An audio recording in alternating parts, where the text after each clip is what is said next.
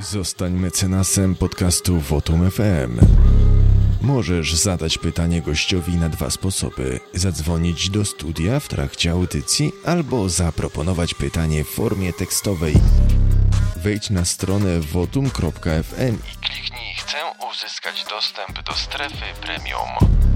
Dołącz do audycji Votum FM na żywo w każdy czwartek. Votum FM. Kto mówi prawdę, ten wywołuje niepokój. Szanowni Państwo, z tej strony Łukasz Kopczyk, podcast Votum FM, a naszym gościem, moim i Państwa gościem jest pan redaktor Łukasz Warzecha.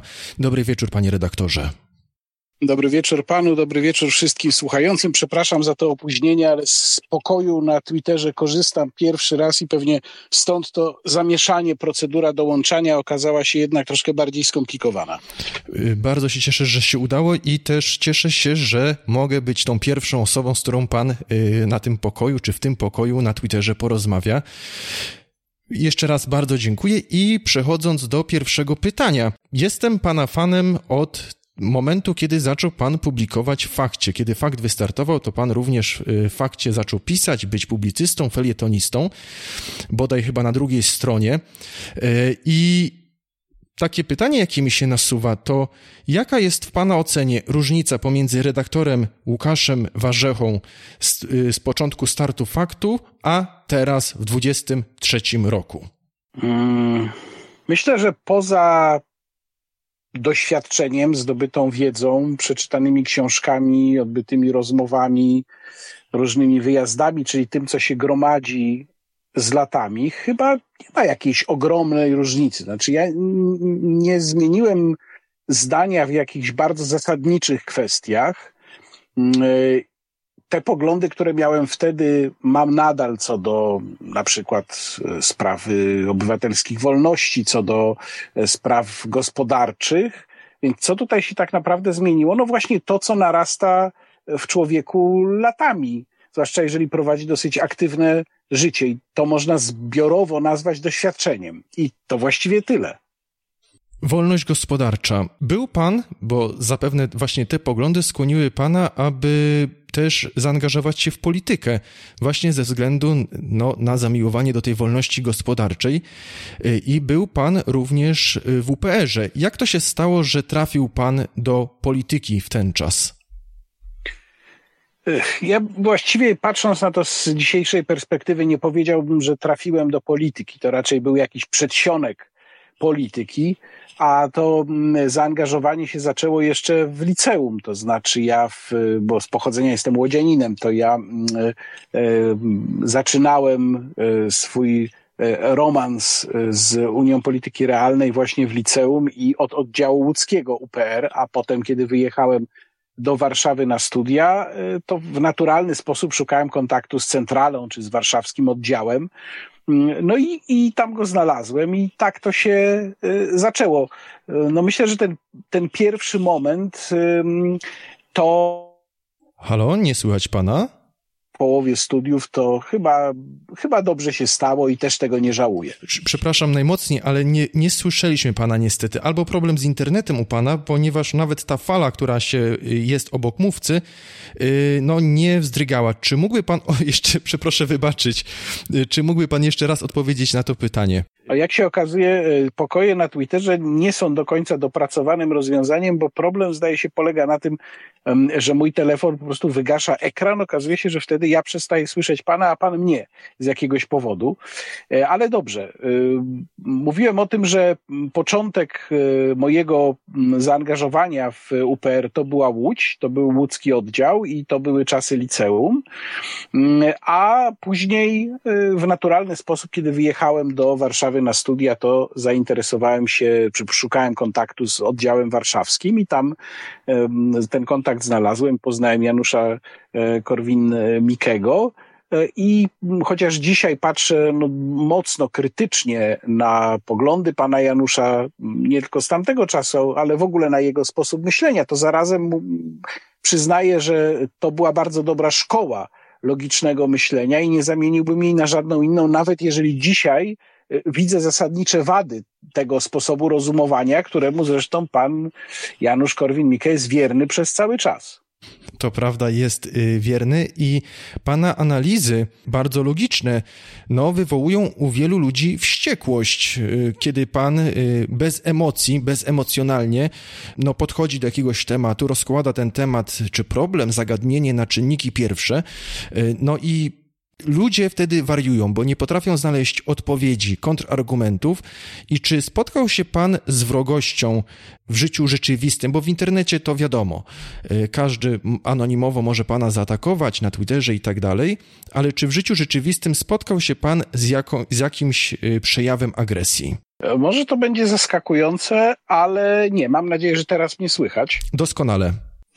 E, może to będzie zaskakujące, ale nie poza jedną sytuacją, kiedy e, i to myślę, że ci, którzy tam mnie obserwują od dłuższego czasu, to pamiętają, kiedy było to takie swego rodzaju doświadczenie. Mianowicie ja e, zaproponowałem pewnemu agresywnemu internaucie, to już było dosyć dawno temu, to mógł być jakiś 2000 15, może 16 rok, e, żeby skoro jest taki dziarski, to żeby się ze mną spotkał e, właśnie w rzeczywistości, bo byłem ciekaw, jak się zachowa. No i tam faktycznie doszło do takiej. Do... Znowu pana nie słychać, wygasł telefon. Mnie słychać? Teraz słychać. E, nie wiem, do którego momentu było mnie słychać. Że spotkał się pan, że do, że do tego spotkania doszło. Tak.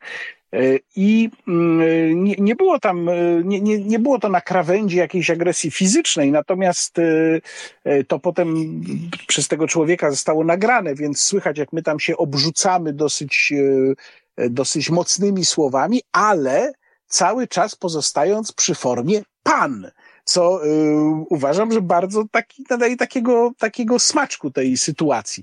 Ale to była jedyna taka sytuacja. Nie zdarzyło mi się na żadnym y, spotkaniu, a tych spotkań mam po kilkanaście co najmniej w ciągu roku w różnych miejscach w Polsce, a także bywam rozpoznawany rzeczywiście y, tu i tam. Nie zdarzyło mi się y, spotkać jeszcze z taką sytuacją, żeby ktoś był wobec mnie agresywny albo nawet nieprzyjemny. Co też każe chyba postawić pytanie, o to, jak się przekłada ta agresja internetowa na, na rzeczywistość. Czy ona faktycznie się przekłada? No bo przecież tych, tych ludzi, którzy mnie nie znoszą, no jednak wydawałoby się trochę jest, czyli oni gdzieś fizycznie też muszą być. Czyli jednak szansa na to, że ja powinienem się na nich natknąć jest dosyć duża. A tymczasem no, nic takiego mnie nie spotkało. Nie mówię, że o tym marzę, wręcz przeciwnie. Natomiast zastanawia mnie to rzeczywiście. Ja to nagranie chyba nawet pamiętam. Y, to było chyba na parkingu, gdzieś pomiędzy samochodami. Przed y, programem, przed programem, przed siedzibą programu Trzeciego Polskiego Radia. Aha, y, to teraz poznaliśmy nieco szczegółów. No jedna taka sytuacja, ale też ma pan jednego fana, zamiast, no nie hejtera, można też go nazwać hejterem, ale ma pan jednego fana. I tym fanem, czy antyfanem jest pan Jakub Wiech. I czy tak z ciekawości pytam, czy dyskusja z ludźmi, którzy no, są wyznawcami antropogenicznego, globalnego ocieplenia, y, czy dyskusja z nimi ma sens? Bo pan pisze artykuły, ja te artykuły też no, staram się wszystkie śledzić, czytać. Podaje pan argumenty, rozkłada pan ich argumenty, no, po prostu miażdży pan te ich argumenty, a oni nadal powtarzają swoje. Czy to ma jakiś sens? Jak pan na to patrzy? A najpierw parę słów o, o rzeczywiście relacjach z panem Wiechem, jeżeli to w ogóle można nazwać relacjami. Mm, ja myślę, że tutaj y, z jego strony to jest jakaś relacja patologiczna. To znaczy, e, ten człowiek w pewnym momencie mocno się zmienił. Nie wiem pod wpływem czego, nie chcę tego analizować, bo też niespecjalnie mnie to interesuje. Do pewnego momentu to był całkiem rozsądny, młody publicysta, który po prostu szukał odpowiedzi na różne pytania i był w stanie rozmawiać zupełnie normalnie, także ze mną. Ja zawsze wspominam, że on zrobił taką serię bardzo interesującą rozmów na portalu Energetyka24, w ramach której pytał e, różne osoby e, z różnymi poglądami na kwestie zmian klimatycznych o opinię. I mnie również był w stanie tam zaprosić do tej rozmowy i ona bardzo chyba dobrze i ciekawie wyszła. No ale potem coś się zwichnęło w Jakubie Wiechu, nie wiem co, i zmienił się w mm, osobę, no nie wiem jak to określić, no ale ja, można by powiedzieć w pewnym sensie takiego stokera. czy jak to się po polsku mówi, mówi czasem stalkera, który yy, na każdym kroku próbuje w jakiś sposób wyłowić jakieś moje tweety, do których może się przyczepić, bo to się dzieje na Twitterze. Ja tam go nie obserwuję, ale ludzie mi to podrzucają po prostu, co on pisze, więc częściowo wiem.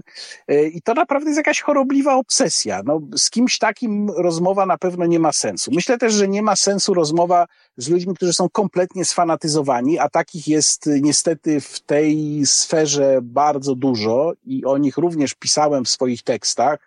Mm, no, może ich symbolizować e, albo ta dziewczyna z Just Stop Oil, która w kompletnej histerii nad e, autostradą M25 e, brytyjską mówi, że dlaczego ona tam weszła na tę kratownicę i mówi, że wszyscy będziemy umierać i że ona już nie ma życia przed sobą. No to, to jest przykład moim zdaniem jednak jakichś zaburzeń psychicznych. No albo ten młodzieniec y, z organizacji Letzte Generation niemieckiej, który w Moguncji przykleił się do asfaltu tak skutecznie, że y, trzeba było odrąbywać kawał asfaltu, żeby jego rękę uwolnić. Nie wiem, jak to się skończyło. Lekarze podobno twierdzili, że może tę rękę stracić.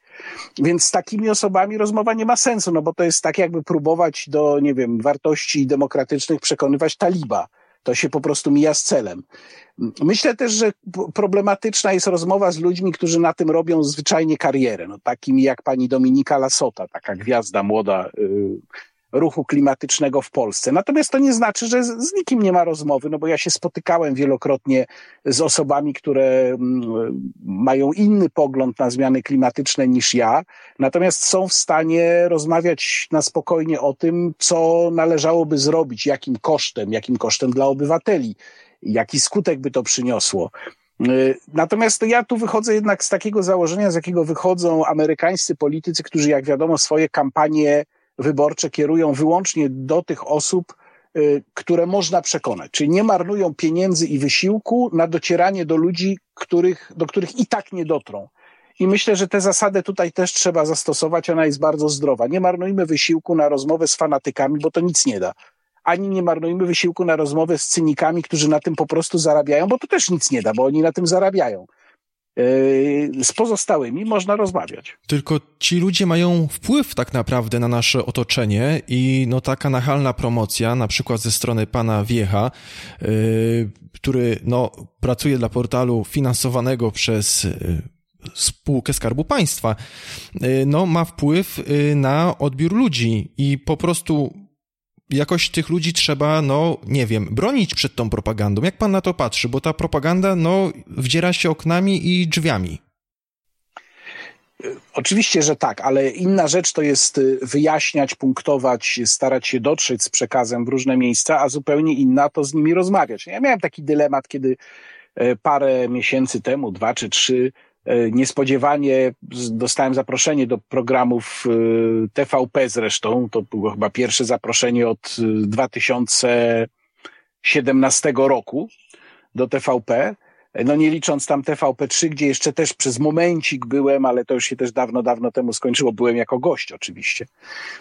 I zostałem zaproszony właśnie do dyskusji z panem Wiechem. No i tak się zastanawiałem, no czy legitymizować tego człowieka swoją, swoim udziałem w tej rozmowie, E, no ale mm, wtedy y, mógłbym powiedzieć to, co, co uważam, czy też odmówić udziału w dyskusji z nim, no ale wtedy być może tam mm, nie będzie mm, y, współdyskutanta albo nie będzie wystarczająco e, no, sprawnego współdyskutanta. Zdecydowałem się jednak wystąpić, no ale tylko właśnie dlatego, żeby pokazać, że możliwe jest inne spojrzenie na te sprawy. Problem jest, myślę, innego rodzaju. To znaczy, y, teraz rzecz jest już na poziomie bardzo poważnych decyzji politycznych, z których chyba mało kto zdaje sobie sprawę nadal w Polsce. No dzisiaj na przykład śledziłem bardzo interesujące wpisy jednego z Twitterowiczów, takiego specjalisty od nieruchomości, który zaczął wyciągać, co jest w unijnym rozporządzeniu e, zatwierdzonym również z udziałem Polski w grudniu ubiegłego roku które zakłada na przykład to, że wszystkie niedostosowane do tej pory do wymogów Fit for 55 budynki, jeżeli zostaną, e, zmienią właściciela, czyli jeżeli będą nawet, albo nawet jeżeli będą wynajmowane, albo jeżeli zostaną, nie wiem, odziedziczone, kupione i tak dalej, będą musiały być obowiązkowo dostosowane do tych nowych wymogów. No, jeżeli ktoś rozumie trochę, jak to działa, jak działa rynek nieruchomości, jak działa gospodarka, to musi być przerażony, bo to oznacza, że ktoś, dajmy na to, dziedziczy dom, ten dom jest niedostosowany do wymogów Fit for 55 i spada na niego ta nieruchomość, no to może i fajnie, tylko nagle musi na przykład wyłożyć 150 tysięcy na to, żeby ją dostosować do tych wymogów. Więc skutki tych, tych, tych działań są katastrofalne, ale to niestety już się dzieje na poziomie politycznym, więc tutaj te nasze dyskusje mają może o tyle znaczenie, że jasne, ważne jest, żeby Polacy świadomie wybierali tych polityków, którzy się temu wariactwu przeciwstawią, Natomiast no, nie miejmy złudzeń, że jesteśmy w stanie całkowicie temu zapobiec, bo tutaj musiałyby zacząć zapadać inne decyzje na tym najwyższym szczeblu decyzyjnym. I to jest oczywiście temat na zupełnie inną, długą, analityczną rozmowę, dlaczego to wszystko idzie jak walcem właśnie na tamtym poziomie, tylko w jednym kierunku. E, ale miejmy tego świadomość, że nasze możliwości niestety zapobiegania temu w tej chwili z tego poziomu debaty publicznej są bardzo ograniczone. Właśnie chciałem panu zadać pytanie, co możemy zrobić, aby temu się przeciwstawiać, bo jak patrzymy na działania rządu, to nasuwa się tylko jedno spostrzeżenie. Rząd temu wszystkiemu ulega. No niestety, i to jest, muszę powiedzieć, jedno z moich największych rozczarowań, jeżeli chodzi o tę władzę, bo ja oczywiście byłem świadom tego, jak ona może, jak te rządy mogą wyglądać, choć nie do końca, bo to też myślę, trzeba wyjaśnić. To znaczy, jeżeli się obserwowało Platformę Obywatelską uważnie w latach 2007-15, no to człowiek miał takie poczucie, że y, już naprawdę trudno chyba, żeby było gorzej. Okazało się jednak, że mm, jeżeli ktoś tak sądził, a ja tak też sądziłem, to miał małą wyobraźnię. Tak, może być znacznie gorzej pod wieloma względami i PiS to pokazał, że może być znacznie gorzej.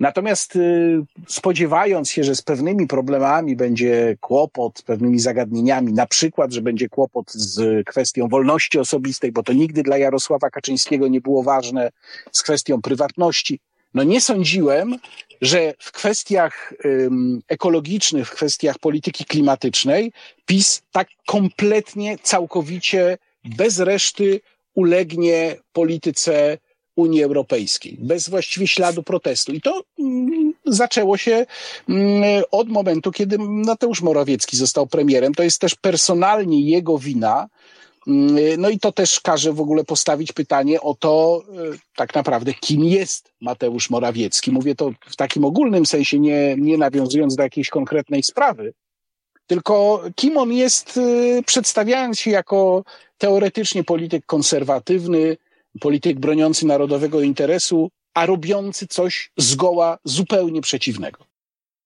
Ostatnio premier Morawiecki powiedział, że jest za karą śmierci. Uważa pan, że to jest y, szczere wyznanie, czy tylko pod publikę? Nie, uważam, że to jest y, kolejna próba podlizania się określonemu segmentowi elektoratu. Przecież pan premier doskonale wie, że e, taka postawa, zresztą ja też jestem zwolennikiem kary śmierci, tylko że w takich bardzo ograniczonych i y, konkretnych, specyficznych sytuacjach, ale no, można taką deklarację złożyć, natomiast konsekwencji to nie będzie miało żadnych. Konsekwencje ma to, co pan premier robi, kiedy jedzie na szczyt Rady Europejskiej w Brukseli. Jeżeli się godzi na kolejne ograniczenia naszej wolności, jeżeli się godzi na kolejne elementy polityki klimatycznej, klimatycznej Unii Europejskiej, to to ma konsekwencje. I to ma realne konsekwencje. Ja bym chciał usłyszeć od pana premiera, dlaczego to robi, a nie czy jest za karą śmierci, czy nie, bo to jest zupełnie jałowa dyskusja w tej chwili. Co może być powodem, że premier Morawiecki tak ulega y, naciskom, czy nawet wymogom Unii Europejskiej, że on się nawet temu nie przeciwstawia, czy w ogóle PiS?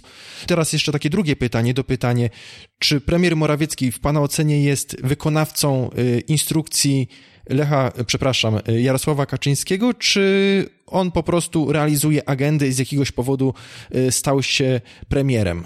Objął to stanowisko. To jest y, pytanie na, myślę, długie, długi, długi czas, y, długą bardzo rozmowę. Po pierwsze, ja bym miał nadzieję, że ktoś, kto ma lepszy w tych sprawach warsztat ode mnie, napisze kiedyś książkę dokładnie analizującą karierę polityczną Mateusza Morawieckiego, dotrze do rozmówców, wydobędzie z nich jakieś, e, w cudzysłowie, zeznania, nawet anonimowo i opiszę karierę tego człowieka i opiszę jego motywację. Ja mogę wyłącznie spekulować. I myślę, że to jest, jak to często bywa zresztą, miks różnych spraw. Czyli i trochę charakteru pana premiera, i tego, w jaki sposób on podszedł Jarosława Kaczyńskiego, mm, jaką rolę pełni w tym układzie Kaczyński-Morawiecki, a także być może jakichś jego dalszych planów, może jakichś wpływów, które były na niego wywierane w różnych momentach, w określonych środowiskach. Bardzo trudno powiedzieć, jak to dokładnie wygląda. Mm, no, ja myślę, że jeżeli chodzi o sam, to pan zapytał, czy on wykonuje polecenia mm, Jarosława Kaczyńskiego. Ja myślę, że jeżeli o to chodzi, to pan premier, y, zanim został premierem, zanim w ogóle powstał rząd Zjednoczonej Prawicy w 2015 roku, bardzo długo nad Jarosławem Kaczyńskim pracował i bardzo skutecznie go omotał, prezentując mu taką marketingową gadkę, jaką bankowcy często prezentują. No bo też nie zapominajmy, że pan premier jest ze środowiska bankowców mm, i tutaj ja robię takie na własny użytek rozróżnienie. Bankowiec to nie to samo co bankier, bo bankier w moim rozumieniu to jest człowiek, który jest właścicielem banku. Czyli za niego odpowiada jako za własny majątek. Stworzył taki bank i o niego dba. Natomiast bankowiec to jest taki bankowy urzędas, jakim był premier Morawiecki, człowiek, który po prostu został wynajęty, żeby tam jakąś funkcję pełnić i tak naprawdę raz jest tu, potem będzie gdzie indziej, jest mu to obojętne. Czyli nie ma do tego majątku, do tej instytucji, nie ma żadnego osobistego stosunku, bo ona nie należy do niego. I pan premier Morawiecki właśnie był bank, bankowcem, nie bankierem. I z tą taką y, marketingową swadą dotarł do Jarosława Kaczyńskiego i przedstawił mu tę wizję nowoczesnej Polski, takiej właśnie trzeciej drogi, y, Polski socjalnej, ale jednocześnie nowoczesnej, zamożnej. Y, trochę tej wizji się uchowało, jeżeli by ktoś dotarł do prezentacji z 2016 roku, kiedy pan premier prezentował swój program, to się nazywało program albo plan, już nie pamiętam, zrównoważonego rozwoju. Tam nawet niektóre propozycje były całkiem ciekawe, tylko że nic z nich praktycznie nie zostało zrealizowane, co zresztą dwa lata temu w swoim raporcie bardzo ładnie pokazał NIK. Mm, y, I pan premier omotał Jarosława Kaczyńskiego ty, tymi wizjami, ale to, jak mówię, omotał, to nie znaczy, że ja próbuję zdjąć winę z Jarosława Kaczyńskiego, bo wina Jarosława Kaczyńskiego tutaj jest oczywista, to on wyznaczył Mateusza Morawieckiego na tę rolę i on żyruje od długiego czasu jego wszystkie decyzje. A w dodatku Jarosław Kaczyński jest w pewnych sprawach po prostu dyletantem, to znaczy jest dyletantem przede wszystkim w kwestiach ekonomicznych, kompletnym, w kwestiach technologicznych również, więc no tutaj dawał sobie prawdopodobnie wciskać y, kompletne bzdury. I Mateusz Morawiecki jedzie na tej fali cały czas, ta fala już coraz bardziej siada, ale on no nie bardzo ma jak z niej zejść w tej chwili, bo jakby miał zejść, to, to tylko na jakieś odpowiednie, odpowiednie miejsce, którego chyba sobie nie naszykował. Y, myślę, że ten mechanizm pomiędzy Mateuszem Morawieckim a Jarosławem Kaczyńskim właśnie tak wygląda, a te pozostałe przyczyny, no to mówię, to byśmy musieli długo się zastanawiać, a nie mając wiedzy o faktach, też bardzo trudno to spekulować. Wspomniał pan, że Jarosław Kaczyński ma w głębokim poważaniu wolność y, osobistą Polaków i ostatnio no teraz jest głośno o inwigilowaniu Polaków, telefonów komórkowych, smartfonów wśród Polaków czy u Polaków i też no, premier Morawiecki no, również ma y, tę inwigilację czy wolność osobistą w głębokim poważaniu i na rękę byłoby mu no, móc inwigilować. Czy możemy się jakoś temu przeciwstawiać y, tak naprawdę? Czy PiS po prostu idzie po całości, nie dbając o to, czy straci władzę, czy nie straci, czy po prostu, no jeżeli przepchną to i będą mogli inwigilować Polaków, to wtedy wykorzystać tę wiedzę? Jak pan na to patrzy? Przede wszystkim uświadomy sobie, jak ogromny jest zakres, w jakim Prawo i Sprawiedliwość powiększyło możliwości inwigilacji Polaków. To przecież to się zaczęło jeszcze wraz z nowelizacją ustawy o policji pod koniec 2015 roku, kiedy z powodu wyroku Trybunału Konstytucyjnego PiS tłumaczył, że szybko musi tutaj zmienić prawo, bo Trybunał Konstytucyjny tego wymaga. E, no i uchwalił ustawę, która się spotkała z protestami wielu aktywistów i analityków zajmujących się prywatnością, która tworzyła zupełnie fikcyjny mechanizm, bo tu chodziło o mechanizm nadzoru sądowego nad y, nad inwigilacją. To był przedmiot analizy Trybunału Konstytucyjnego. Ten mechanizm jest, do dzisiaj funkcjonuje, ale on jest tak naprawdę fikcyjny, jest post factum. Jest, to polega na tym, że sądy dostają zbiorczo, tam chyba co pół roku, jeśli dobrze pamiętam, dostają zbiorczo wykaz tych, tych zapotrzebowań służb na różnego rodzaju dane i no, mają się do tego odnosić. To oczywiście jest kompletna fikcja. A teraz jak spojrzymy na ostatnie dni, to jest prawdziwy wysyp tego, co się wydarzyło, bo wcześniej oczywiście jeszcze mieliśmy wyposażanie kolejnych służb w te kompetencje do prowadzenia kontroli operacyjnej, Myślę, że wiele osób sobie nie zdaje sprawy, ile służb ma takie uprawnienia. Służba Ochrony Państwa, Agencja Bezpieczeństwa Wewnętrznego, Krajowa Administracja Skarbowa, Straż y, Graniczna, y, Agencja Wywiadu, y, Policja oczywiście, więc tych służb jest bodajże dziewięć, które mogą prowadzić kontrolę operacyjną. I w ostatnich dniach, no to mamy, jak mówię, wysyp informacji na temat y, kolejnych ograniczeń naszej prywatności. System e-faktur, który praktycznie pozwoli śledzić mm, wszystkie zakupy, które właśnie na zasadzie wystawiania faktury się będą odbywać. Mamy kwestię y, zakupu przez policję za 6 milionów złotych bardzo takiego agresywnego systemu pozwalającego analizować i odzyskiwać skasowane informacje w smartfonach, no czegoś takiego na, trochę na kształt Pegasusa. No i mamy wreszcie gigantyczną, wielką cegłę liczącą sobie blisko 3,5 tysiąca stron, czyli nowe prawo komunikacji elektronicznej. Widzę tutaj w, w, pokoju jako słuchacza pana posła Dziambora, którego pozdrawiam, który być może już miał okazję zerknąć na ten, na ten projekt. Tam samej, sama ustawa ma ponad, grubo ponad 300 stron, bo całe te, te 3,5 tysiąca prawie to wynika z tego, przepraszam, że tam są, tam jest jeszcze uzasadnienie, jest tabela zgodności z ustawodawstwem Unii Europejskiej, ale i tak nawet sam ten akt prawny jest gigantyczny. To proszę sobie wyobrazić, ile tam w nim jest zaszytych różnych pułapek. No i o niektórych wiemy już, bo to zostało przeanalizowane pod kątem właśnie kwestii inwigilacji, więc wiemy, mm, że on by znów powiększał, nakładał kolejne zobowiązania na operatorów y, telekomunikacyjnych, tym razem dotyczące komunikatorów, zobowiązania, które grubo wykraczają poza realizację prawa europejskiego, czym się tłumaczy y, rząd, a nawet te reguły, które obowiązują dzisiaj, też y, wykraczają już teraz poza y, wymogi prawa europejskiego. Więc my tak naprawdę zmierzamy no, w stronę modelu chińskiego.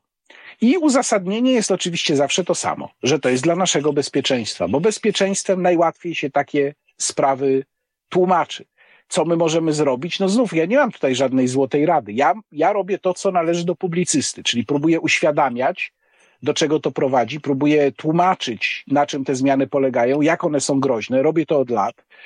Natomiast no, rzecz jest po stronie wyborców. Ja się niestety obawiam, że to uzasadnienie bezpieczeństwem do wielu osób trafia i cały czas pokutuje ta zupełnie idiotyczna fraza uczciwi nie mają się czego bać. Otóż jest, proszę Państwa, dokładnie odwrotnie. To właśnie uczciwi mają się czego bać. Dlatego, że jeżeli mamy tak rozbudowany system inwigilacyjny, to on siłą rzeczy, nawet na zasadzie zwykłej statystyki, będzie dziurawy. Zawsze się znajdą osoby, które dla kogoś za pieniądze y, da, wydadzą, y, dadzą dojście do danych z tego systemu, mm, a po drugie to tworzy gigantyczną y, okazję do nadużyć politycznych po prostu. No i też pochodzi to w dużej mierze z, ze zwykłego lenistwa służb, to trzeba sobie z tego zdawać sprawę, bo dużo łatwiej jest funkcjonariuszowi wykonywać te operacje z zaklawiatury, niż wyjść i wykonywać pracę operacyjną w terenie funkcjonariusze po prostu ze zwykłego lenistwa chcą mieć te narzędzia, bo tak to musieliby się trochę wysilić, a tak to mają wszystko podsunięte przez algorytm pod nos. Tylko, że jak położymy na szalach z jednej strony naszą prywatność i naszą wolność, a z drugiej strony wygodę funkcjonariuszy, czy nawet szybkość ich działania, bo oni też czasem tłumaczą, że to chodzi o to, żeby szybko te dane dostać, ale nawet gdyby tę szybkość też położyć na drugiej szali, no to przepraszam, moim zdaniem jednak nasza prywatność i wolność po prostu waży więcej, jest ważniejsza niż te czynniki, które mają uzasadniać tak gigantyczny zakres yy, inwigilacji obywateli. Polacy nie buntowali się w trakcie COVID-u, można powiedzieć, że tylko garstka w trakcie tej całej pandemii. Czy jest szansa w Pana ocenie, że zbuntują się teraz, kiedy uświadomią sobie, że PiS chce ich inwigilować, bo kiedy, no były protesty, kiedy w sprawie akta, tak, i ludzie w ogóle buntowali się wtedy, no nie wiedząc nawet przeciwko czemu się buntują tak naprawdę, bo chcieli bronić możliwości, nie wiem, nielegalnego pobierania filmów czy programów komputerowych, ale mimo wszystko się zgroma potrafili zgromadzić, były protesty. W trakcie COVID-u żadnych protestów tak naprawdę ulegli ludzie tej panice. Czy teraz, według Pana, jest szansa, że się ludzie zbuntują, bo tak naprawdę, jeżeli chodzi o partie polityczne, polityczne, to tylko chyba Konfederacja, jeżeli chodzi o polityków, yy, sprzeciwia się tej inwigilacji. Czy ludzie jakoś się zbuntują według Pana? Czy pójdą za tą Konfederacją? Nie, ja nie widzę szans na jakiś bardziej masowy bunt. To ludzi po prostu niespecjalnie interesuje w większości. Konfederacja ma dosyć specyficzny elektorat, ale myślę też, że nie wszyscy wyborcy Konfederacji są w takim samym stopniu tymi kwestiami zainteresowani. Mm, natomiast y, no, ja wielokrotnie pisałem o tym, że mówienie dzisiaj, że Polaków zasila duch wolności jest kompletnym nieporozumieniem. To już jest pieśń przeszłości. Tutaj mogę polecić słuchaczom moją polemikę z takim bardzo optymistycznym tekstem Piotra Trudnowskiego, szefa klubu jagiellońskiego, który to tekst Piotra się ukazał kilka dni temu, a mój się ukazał we środę na, w internetowym magazynie Kontra, który zresztą też polecam. I to jest obszerna polemika z tym, co Piotr napisał w której tłumaczę, no, dlaczego uważam, że to ma historyczne wytłumaczenie moim zdaniem, dlaczego uważam, że Polacy nie mają tego genu buntu ani genu wolności. To jest jakaś tam niewielka grupa, dla której to jest ważne. Ja się staram właśnie do tej grupy docierać i też tłumaczyć tym, którzy czują, że coś nie gra, ale na razie tylko czują, nie wiedzą dokładnie co. Natomiast dla większości to jest obojętne. Znaczy, to jest myślenie na zasadzie, no przecież ja jestem tu małym żuczkiem, mnie nie dojadą, jakie to ma dla mnie znaczenie, a poza tym niech się bandyci boją, o takie wygodne wytłumaczenie. I to oczywiście działa do momentu, kiedy ktoś się nie znajdzie w orbicie zainteresowania, a może się znaleźć z bardzo różnych powodów. Może na przykład prowadzić firmę i ta firma, nie wiem, stanie się zbyt mocna w stosunku do jakiejś innej firmy, która e, akurat się cieszy względami władzy, z jakich względów. No i już wtedy ten przedsiębiorca może zostać poddany pod byle pretekstem takiej inwigilacji, a nawet można przeciwko niemu jakieś dowody spreparować. No, w którymś momencie to może dotknąć właściwie prawie każdego z nas, tylko dopóki się to nie stanie, to nie jest, ludzie nie czują, że to jest problem. Konfederacja jako jedyna partia sprzeciwia się temu.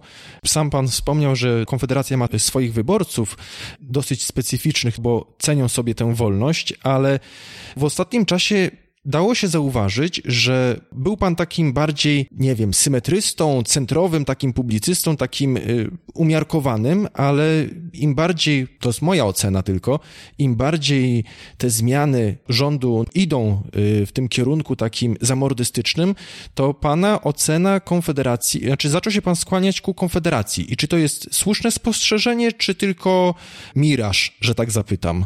Ja bym tego na pewno tak nie ujął. Ja zawsze patrzyłem na to, co poszczególne um, siły polityczne, a nawet politycy mają do zaproponowania i oceniałem ich przez pryzmat moich poglądów, bo taka jest moja rola jako publicysty. Więc no pewnie gdybym jakiś test zgodności robił, to prawdopodobnie rzeczywiście wyszłoby tak, że najwięcej mam wspólnych poglądów z politykami Konfederacji, ale um, nie tylko z nimi. No pewnie są sprawy, w których bym się zgodził z politykami Solidarnej Polski, może z politykami Prawa i Sprawiedliwości w niektórych sprawach też, pewnie z politykami Koalicji Obywatelskiej również, więc no, ja na to nie patrzę, nigdy nie patrzyłem na to jako na y, bliskość w stosunku do tej czy innej formacji uważam, że jeżeli publicysta zaczyna na tej zasadzie myśleć, czyli że blisko mu do jakiejś partii, to już jest zgubiony. To przestaje być po prostu dobrym publicystą, coraz bardziej staje się takim medialnym współpracownikiem danego ugrupowania. To nie o to chodzi w publicystyce. To teraz licząc na pana bezstronny osąd, zapytam z czystej ciekawości. Ostatnio do Konfederacji dołączył poseł Stanisław Tyszka. Wcześniej Kukiz 15, potem był w tym sejmowym niebycie, że tak y, to ujmę, i teraz dołączył do partii Nowa Nadzieja, wcześniej Korwin. Y, jak pan ocenia ten transfer i w ogóle no, działalność pana posła Stanisława Tyszki? Bo pan Stanisław Tyszka, pan poseł, nie jest tak eksponowany w mediach i jestem ciekawy pana oceny. Bardzo trudno, bardzo trudno mi w tej chwili coś na ten temat powiedzieć, bo pan poseł Tyszka dołączył niedawno do koła Konfederacji, więc y, no chyba na razie jest za wcześnie, żeby oceniać jego działalność w tym kole. Ja go pamiętam z, z poprzedniej kadencji Sejmu, z e, Kukiz 15, kiedy był członkiem Kukiz 15 e, i e, wtedy oceniałem różne jego inicjatywy raczej pozytywnie.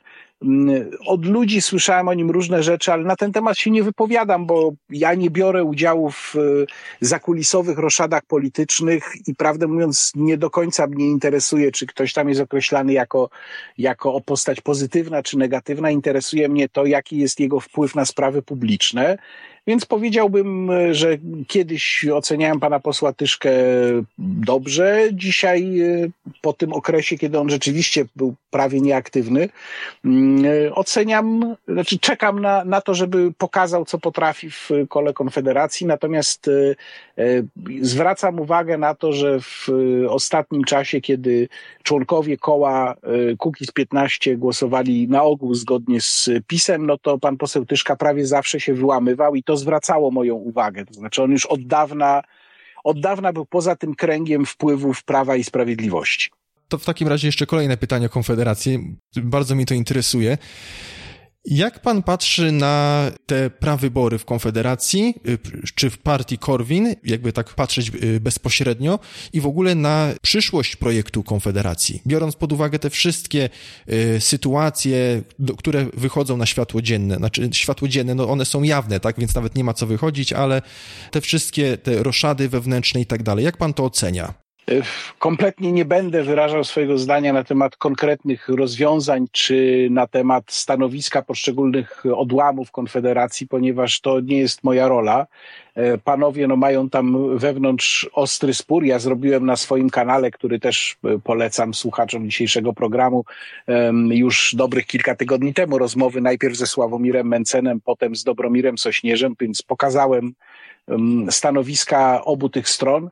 Patrząc na to y, z zewnątrz, y, mogę powiedzieć tyle, że moim zdaniem y, Konfederacja, która ewidentnie zaczęła trochę nabierać wiatru w żagle w ostatnim czasie, po takim okresie flauty, jeżeli można tak powiedzieć, sondażowej, no ryzykuje jednak sporo, jeżeli mm, odejdą z niej wolnościowcy. Znaczy ja uważam, że z punktu widzenia wyborców każdy rozpad, nawet jeżeli to nie jest kompletny rozpad, tylko tak jak tutaj odejście e, jakiejś części, jakiejś grupy e, posłów i członków, e, no, robi złe wrażenie. Polacy generalnie lubią, jak politycy się jednoczą, stąd taki dosyć zresztą absurdalny, moim zdaniem, nacisk na jedną listę, który wychodzi w sondażach sympatyków opozycji. To jest nie, nie do zrealizowania i wszyscy politycy opozycji to świetnie wiedzą, że to się nie da zrobić, ale wyborcy by tego chcieli, bo lubią właśnie takie sytuacje jednoczące, a na ogół każą spadkiem poparcia te formacje, które się rozpadają.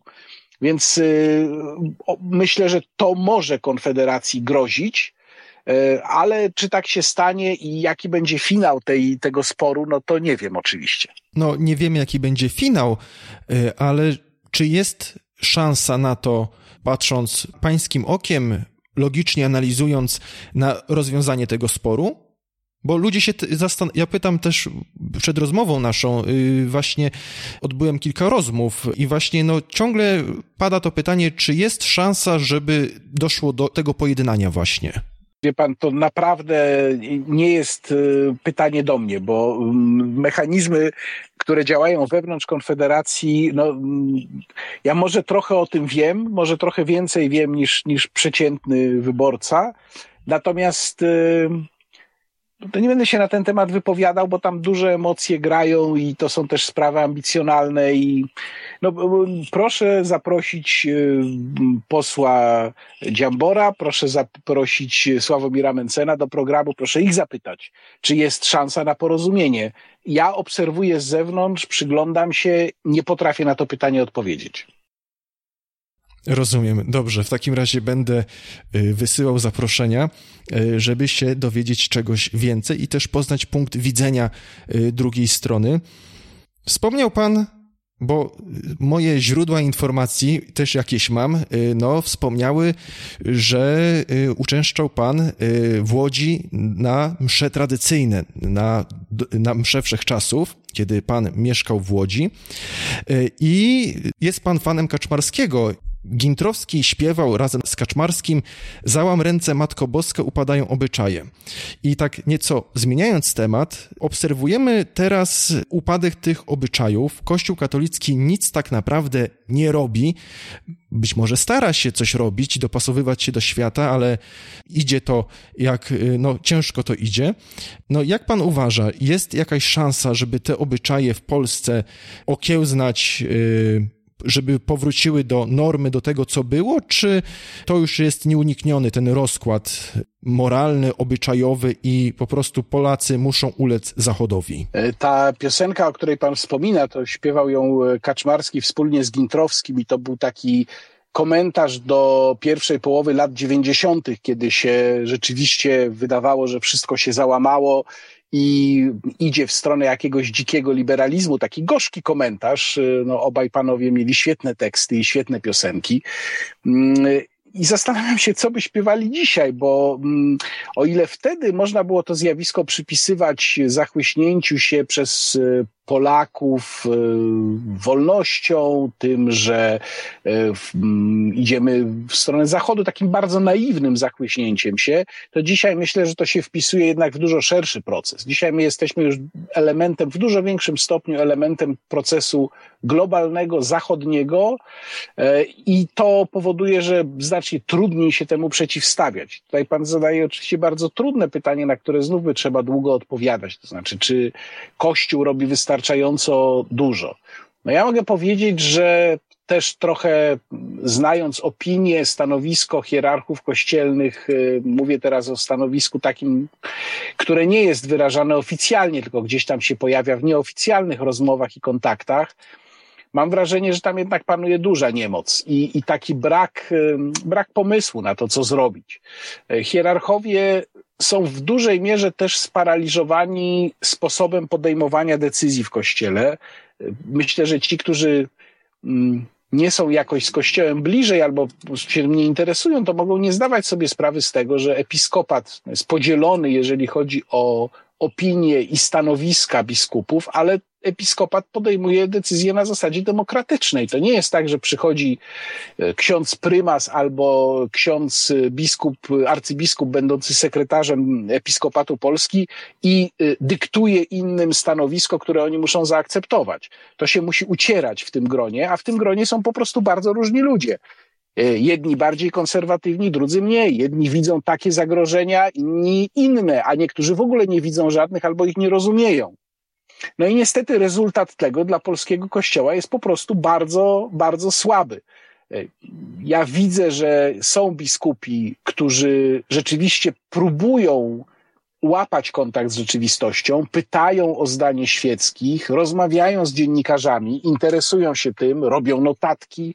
Czasem potem echo tych rozmów odnajduje w ich oficjalnych stanowiskach, ale to są pojedyncze osoby a Kościół to jest coś znacznie większego. Mówię teraz o Kościele hierarchicznym, nie o Kościele powszechnym.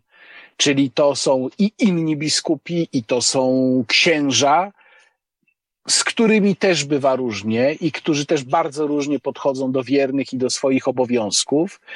Więc ja mam zdecydowanie takie poczucie, że polski kościół po prostu jest w ogromnym kryzysie. Natomiast zawsze się pocieszam starym powiedzeniem dłużej klasztora niż przeora no, y, jednak y, Kościół przetrwał nie takie kryzysy, przetrwał również okres kiedy było nawet nie dwóch, ale trzech papieży jednocześnie, bo taki czas w późnym średniowieczu również w Europie był.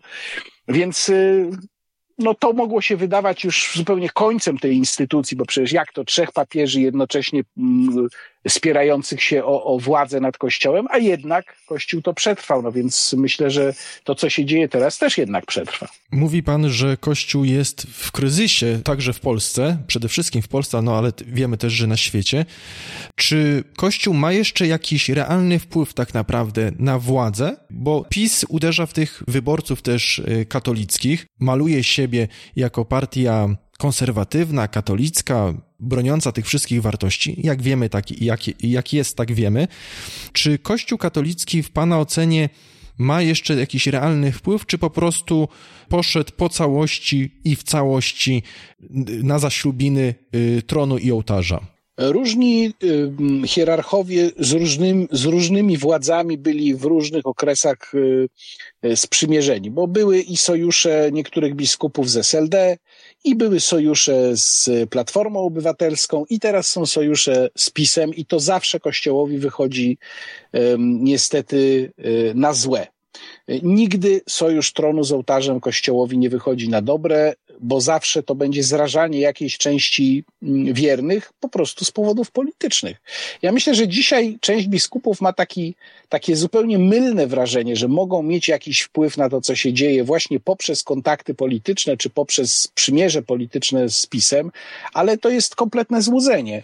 Ja uważam, że w tej sprawie Jarosław Kaczyński jest totalnym cynikiem i on nigdy nie zamierzał ulegać mm, e, tym zapotrzebowaniom zgłaszanym przez episkopat, przez polski kościół, e, tylko próbował tworzyć pozory. No, ta sytuacja z e, wyrokiem Trybunału Konstytucyjnego w sprawie aborcji eugenicznej dokładnie to pokazuje. To znaczy, no, nie było tu decyzji politycznej, tylko trzeba było to zepchnąć na kogo innego, czyli na instytucję przez PiS de facto opanowaną, no ale taką poza tym głównym nurtem politycznym. To jest po prostu świadectwo braku odwagi ze strony y, PiS, ale ten brak odwagi no, wynika z takiej bardzo cynicznej kalkulacji, po co tutaj my mamy brać na siebie to odium, niech to odium na, na siebie weźmie pani magister Przyłębska, szefowa um, Trybunału Konstytucyjnego. Więc y, jeżeli biskupi się niektórzy łudzą, że z tą władzą będą w, jakimś, w jakiejś dobrej komitywie i ona im coś załatwi, to właśnie się łudzą. To to jest tylko złudzenie nie załatwi. Moim zdaniem praca nad tym, żeby polski kościół umocnić i odnowić, powinna się zacząć od podejścia do wiernych, a nie od podejścia do polityków. Jakie powinno być to podejście do wiernych? No, przede wszystkim y, trzeba by zacząć moim zdaniem od y, zmiany sposobu przygotowywania księży, bo to oni są tą pierwszą linią. To jest trochę tak jak z policjantami. Zwykli policjanci, zwykli posterunkowi są pierwszą linią, która reprezentuje państwo na dole. I jak oni mają słabe przygotowanie, zachowują się arogancko, nie potrafią sobie poradzić z różnymi sytuacjami na ulicy, to to się potem odbija na stosunku do państwa w ogóle. I tu jest dokładnie tak samo. Jeżeli mamy księdza, który ma złe podejście do wiernych, który nadużywa ich zaufania, cierpliwości, który się okazuje chciwy, mm, który próbuje maskować jakieś swoje winy, no to potem w naturalny sposób, nawet jeżeli to jest niesłuszne i na gruncie analizy się z tym nie zgadzamy, ale w naturalny sposób emocje są takie, że to się przekłada na stosunek tych wiernych do Kościoła.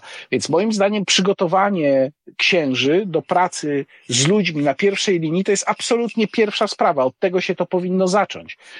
I druga sprawa, jak sądzę, no to jest jakaś świadomość tego, mm, jakie skutki mają y, podejmowane decyzje również dla wizerunku Kościoła. Tu podam przykład.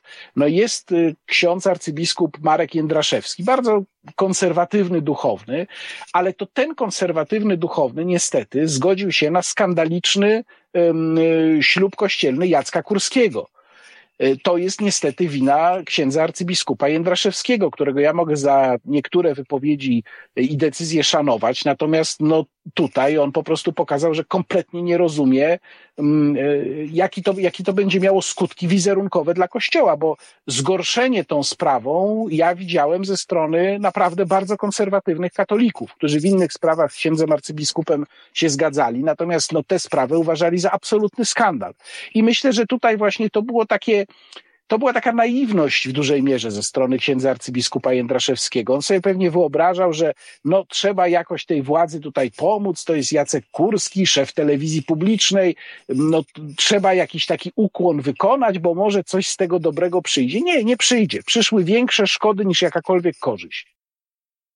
Zmierzając do końca, komentuje Pan rzeczywistość jako publicysta. Wspomnieliśmy na początku naszej rozmowy, że należał Pan do UPR-u. Czy nie żałuje Pan, albo czy po prostu no inaczej by to wszystko wyglądało Pana przyszłość, gdyby no zdecydował się Pan jednak do tej polityki wejść, a nie pozostać w przedsionku, a potem zostać publicystą? takie pytanie z mojej strony, bo miał pan szansę zostać politykiem tak naprawdę. Pan, nie wiem, czy miałem szansę. No, mm, ja myślę, że, że oczywiście, że moje życie wyglądałoby inaczej, gdybym poszedł tamtą drogą, ale ja myślę, że ono się potoczyło bardzo dobrą drogą. Ja się dobrze czuję w tym, co robię. Myślę, że jakiś wpływ na rzeczywistość mam i dosyć często dostaję różne sygnały na ten temat, choć no czasem jestem też mocno sfrustrowany tym, że pewne rzeczy się dzieją, pewne decyzje są podejmowane, chociaż wiele osób, no przecież nie tylko ja, alarmuje w różnych sprawach. Natomiast yy, nie wiem, no jeżeli intencją tego pytania jest takie, takie mm, sprowokowanie mnie do wyznania, że może żałuję, to, to, to nie, absolutnie nie, nie, nie, chcę, nie, nie, nie, nie, chcę pana, nie chcę w żaden sposób pana prowokować, tylko był pan na rozstaju dróg, tak? I stąd to pytanie, może dzisiejszej perspektywy tak to wyglądać, że dwie opcje do wyboru, albo zostanie politykiem, zostanie w UPR-ze, czy, lub po prostu no, wybranie tej drogi publicysty, niezależnego publicysty, y, bo pan jako jeden z nielicznych publicystów obracających się w mainstreamie tę niezależność zachowuje. Wszyscy no jakoś tam się zaczepili, y, są stronniczy, a pan jednak mimo wszystko, mimo zmian władzy i tak dalej, jest cały czas bezstronny. Nie, y, tu Więc, muszę, no, przepraszam, tu muszę tak... pana poprawić. Nie bezstronny, bo to jest bardzo częsty błąd, który popełniają y, również osoby bardzo mi przychylne. Piszą, że bo pan jest obiektywny albo pan jest bezstronny to nie jest rola publicysty. To dziennikarz, który przekazuje informacje, ma być bezstronny, powinien być bezstronny, chociaż nie jest w polskich warunkach na ogół. Natomiast publicysta wręcz przeciwnie, ma brać stronę, bo taka jest jego rola, ma swoje poglądy, ważne jest, żeby był uczciwy. Czyli jeżeli ma te poglądy i ktoś nawet mu bliski y, daną regułę czy daną zasadę łamie, to należy o tym powiedzieć. To jest podstawa funkcjonowania publicysty. Y, jeżeli jestem wolnorynkowcem, to obojętnie kto zgłasza postulaty przeciw wolnemu rynkowi, ja powiem, że mi się to nie podoba. Na tym polega uczciwość publicysty. Jeżeli ktoś jest moim znajomym, a mam takich znajomych wśród polityków i robi rzeczy, które mi się nie podobają, to też powinienem o tym powiedzieć. No, pierwszy z brzegu przykład. Mm, dzisiaj mm, mieliśmy wiadomość o dymisji Jakuba Kumocha ze stanowiska e, prezydenckiego ministra zajmującego się sprawami zagranicznymi. Ja z e, Kubą się znam, byliśmy na jednym roku na studiach i lubiliśmy się. Spotkaliśmy się przed jego powołaniem na prezydenckiego ministra ostatni raz. E, ja bardzo szanowałem jego pracę jako ambasadora najpierw w Szwajcarii, potem w Turcji. Natomiast e, nasze, e, nasza prywatna znajomość i nasze stosunki no, nie spowodowały, że nie zdarzało mi się bardzo wiele razy Jakuba Kumocha już jako prezydenckiego ministra skrytykować. I też dzisiaj mówię, że jego działaniem na tym stanowisku w kancelarii prezydenta byłem bardzo rozczarowany. O ile wysoko oceniałem jego pracę, zwłaszcza w Szwajcarii, y, no to pracę na, na tym stanowisku niestety oceniam bardzo krytycznie. Moim zdaniem na tym właśnie polega uczciwość publicysty, a nie na obiektywizmie. Dziękuję za zwrócenie uwagi, słusznej uwagi, nadmienię. To w takim razie muszę jeszcze zapytać z czystej ciekawości. Zna pan kogoś, tak jak w tym przypadku, jak pan tutaj y, opisał to, no i wyraża się pan krytycznie. Jak reagują pańscy znajomi, kiedy no, pan ich publicznie krytykuje? Bo ludzie są istotami emocjonalnymi. Nawet pan chyba w 2017 roku y, w podcaście to, Tomasza Agenckiego powiedział, że y, ludzie są emocjonalni i muszą racjonalizować swoje emocje. To chyba nawet jest dosłowny cytat z pana, y, bo zrobiłem nawet kiedyś grafikę na podstawie pańskiego cytatu. I pańscy pańscy znajomi reagują? Czy pana kontakty prywatne z tymi osobami jakoś cierpią, obrażają się? Przepraszam, że pytam tak o sferę prywatną, ale to jest ba bardzo interesujące, bo mimo wszystko no, jest pan obiektywny lub stara się pan być tak. obiektywny w tych pan, ocenach. Bardzo różnie. Może o tych mm, najnowszych historiach nie będę mówił, natomiast podam dwa przykłady inne. E, pierwszy przykład to Radosław Sikorski, z którym e, znałem się, no nie powiem, że może bardzo blisko, ale znałem, znaliśmy się. Mm, jesteśmy zresztą nadal, no tak myślę przynajmniej, jesteśmy na ty. Pisałem przecież z nim książkę, to znaczy robiłem z nim wywiad rzekę przed jego startem w 2005 roku, w, e, wybor- w 2007 roku w wyborach. E, I e, Radosław Sikorski, kiedy został już ministrem spraw zagranicznych w rządzie Platformy, no to wielokrotnie do mnie dzwonił. Ja pracowałem wtedy w fakcie e, i skarżył mi się jako swojemu znajomemu na to, że fakt coś źle o nim napisał. To był dosyć mówię, powiem szczerze, męczące telefony, bo on tak potrafił przez kilkanaście minut się skarżyć, jakie to straszne rzeczy, jak on tu dla Polski, a fakt tak źle o nim pisze. No, no, no cóż, co ja mogłem powiedzieć? To mogłem tylko powiedzieć, że dobrze robimy, bo na tym polega rola dziennika właśnie, prasy, mediów, żeby przyglądać się temu, co robią politycy, również łapać ich za różne takie drobne drobne sprawy. No i w końcu e, Radosław Sikorski się obraził i w ogóle się przestał odzywać. A drugi taki przykład to Joanna Lichocka, no też przecież moja znajoma, w tej chwili poseł e, od dwóch kadencji, ale moja znajoma e, od lat i tam stosunki się popsuły po raz pierwszy tak znacząco, kiedy ja skrytykowałem jej film na temat katastrofy smoleńskiej, już nie pamiętam jak on się nazywał, to był chyba drugi film, bo pierwszy, um, nie, jej film chyba pierwszy na temat katastrofy smoleńskiej, właściwie tego, co się działo po katastrofie. Mm, ponieważ stwierdziłem, i to była bardzo merytoryczna moim zdaniem krytyka, stwierdziłem, że ona poszła na łatwiznę, ponieważ nie pokazała, nie próbowała przeniknąć motywacji tych ludzi, którzy stanęli wtedy po przeciwnej stronie niż ten symboliczny krzyż na krakowskim przedmieściu. Że to by było ciekawe reportersko. E, no i wtedy nastąpiła wielka obraza i, i nieodzywanie się przez bardzo, bardzo długi czas. No a potem, no to już wiemy jak było, prawda? Joanna Lichocka się stała um, taką Dolores i Baruri PiSu, no więc tutaj um, myślę, że żadnych kontaktów już nie, być nie mogło i, i nie będzie. Um, no bardzo często jest tak, że odpowiedzią na moją krytykę jest po prostu milczenie. Ja też mogę zdradzić, że do dwóch moich znajomych, e, takich od wielu, wielu lat, którzy są politykami, ale których nazwisk tutaj nie podam, wysyłałem w ostatnim czasie, w ciągu ostatnich kilkunastu dni prośbę o wywiad. I to są ludzie, których znam, to są ludzie, z którymi jestem na ty i znamy się od bardzo wielu lat.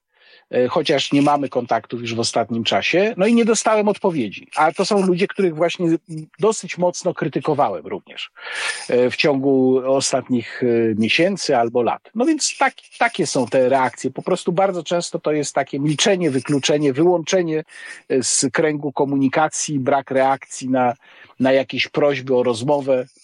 Tak to wygląda tym większe z mojej strony i być może też y, z Państwa słuchaczy strony uznanie dla Pana, że y, no, mimo wszystko te, tego ryzyka y, wykluczenia z grona znajomych, Pan prezentuje, wygłasza to, co Pan uważa za słuszne. Tym większe uznanie. Bardzo Panu dziękuję za rozmowę, za to, że pan się zgodził. Dużo dla mnie to też znaczy, jako dla wiernego fana i czytelnika pana. Bardzo dziękuję za rozmowę i zachęcam państwa do subskrybowania kanału pana redaktora Łukasza Warzechy na YouTubie e, i też e, linki do kontry będą podane e, i pozostałe linki będą podane w opisie pod tą audycją na Spotify i na YouTubie. Bardzo panu dziękuję. Bardzo dziękuję za zaproszenie i dziękuję wszystkim państwu, którzy tej rozmowy wysłuchali. Zostań mecenasem podcastu Votum FM. Możesz zadać pytanie gościowi na dwa sposoby: zadzwonić do studia w trakcie audycji albo zaproponować pytanie w formie tekstowej.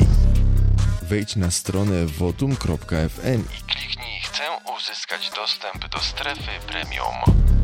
Dołącz do audycji Votum FM na żywo w każdy czwartek. Wotum FM. Kto mówi prawdę, ten wywołuje niepokój.